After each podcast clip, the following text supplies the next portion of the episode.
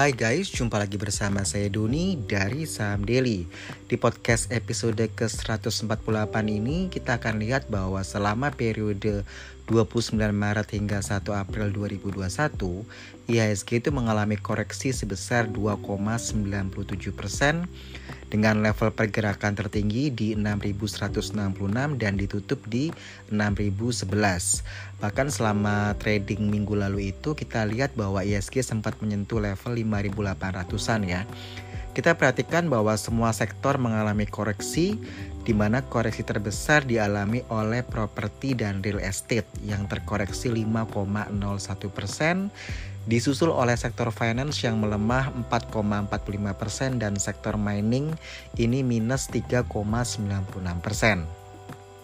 Investor asing sendiri melakukan aksi net sell sebanyak 2,59 triliun Uh, jadi kita lihat bahwa overall selama Maret 2021 itu IHSG minus hampir 6%, tepatnya 5,73% dengan kisaran gerak antara 5.892 hingga 6.230. Menguatnya US bond 10 tahun ke level 1,7 lalu data tenaga kerja Amerika Serikat di mana lapangan kerja baru non pertanian yang bertambah 916 ribu di sepanjang Maret 2021 sehingga tingkat pengangguran itu turun dari 6,2% menjadi 6%. Artinya selama dua bulan pertama terjadi penambahan lapangan kerja baru sebanyak 156 ribu lebih dibandingkan laporan sebelumnya. Tentu hal ini menjadi sentimen positif bagi perekonomian Amerika dan dampaknya menjadi negatif di mana uh, negatifnya bagi emerging market seperti Indonesia ya karena terjadi capital outflow begitu ya ada aliran dana asing yang keluar dari Indonesia. Jadi uh, sepanjang Maret ini memang kita lihat bahwa market benar-benar tertekan belum lagi BP Jam Sostek ya, yang mana mereka mengurangi porsi investasi saham dan reksadana agar mereka mampu mengurangi potensi defisit program jaminan hari tua.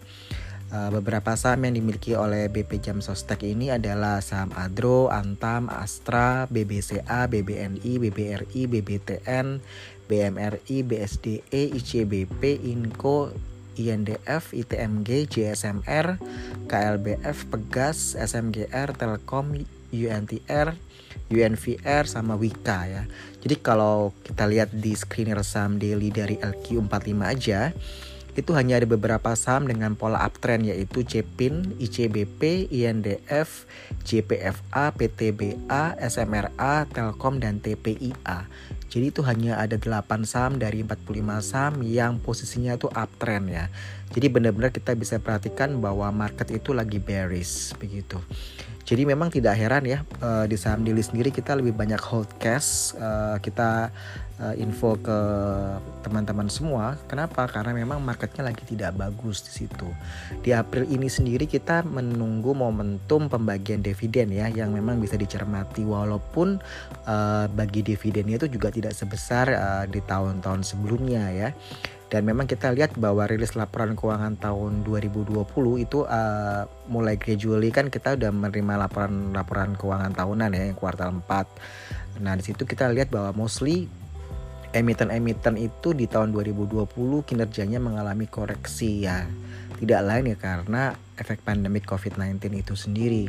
Jadi memang kalau untuk uh, historical ya kita perhatikan lima tahun ke belakangnya itu Maret itu selalu koreksi begitu ya jadi uh, kalau di awal masuk Maret itu kita sudah prediksi bahwa ISG itu rawan koreksi hingga terburuknya itu di 5800 dan memang sempat menyentuh 5800-an ya waktu sempat minus 3% dalam satu hari ya ketika akhir bulan waktu itu. Jadi di situlah kita uh, memang uh, benar-benar sudah siap dengan cash dalam artian memang mengurangi porsi kita di saham ya uh, tujuannya apa? Tujuannya supaya kita mendapatkan momentum yang tepat kapan kita harus masuk ketika marketnya rebound seperti itu.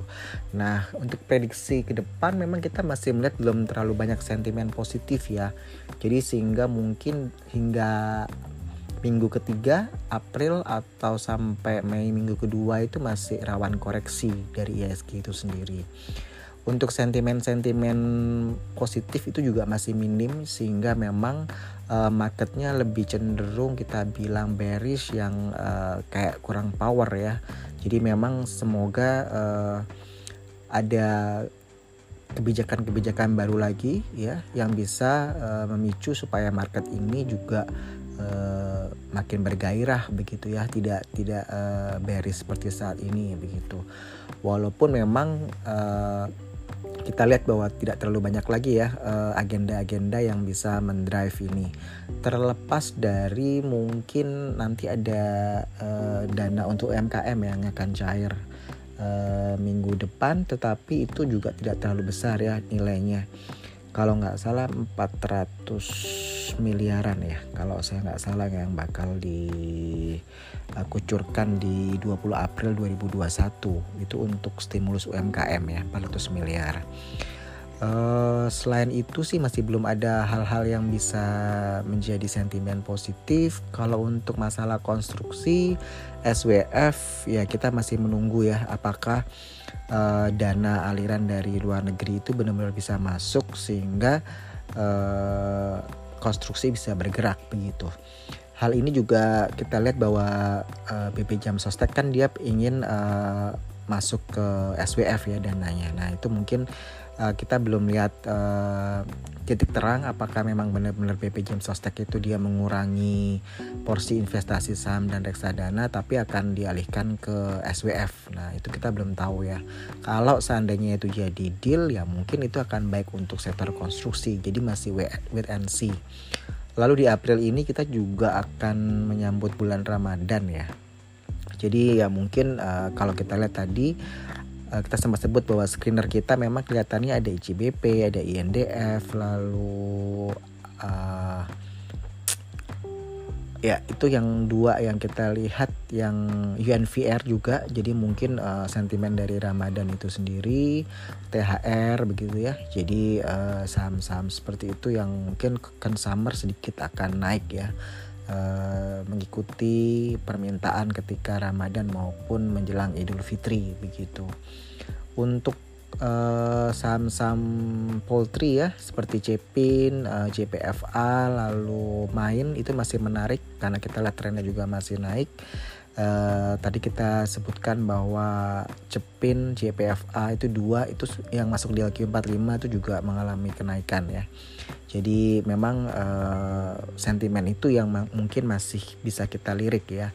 Sedangkan yang lain-lainnya ya masih kisaran di saham-saham yang growth investing ya. Uh, yang masih ada latar belakang teknologi ya. Jadi mungkin bank-bank digital tuh masih bisa untuk uh, naik tapi mungkin juga sudah terbatas ya. Tinggal tergantung uh, momentum saja beritanya seperti apa begitu.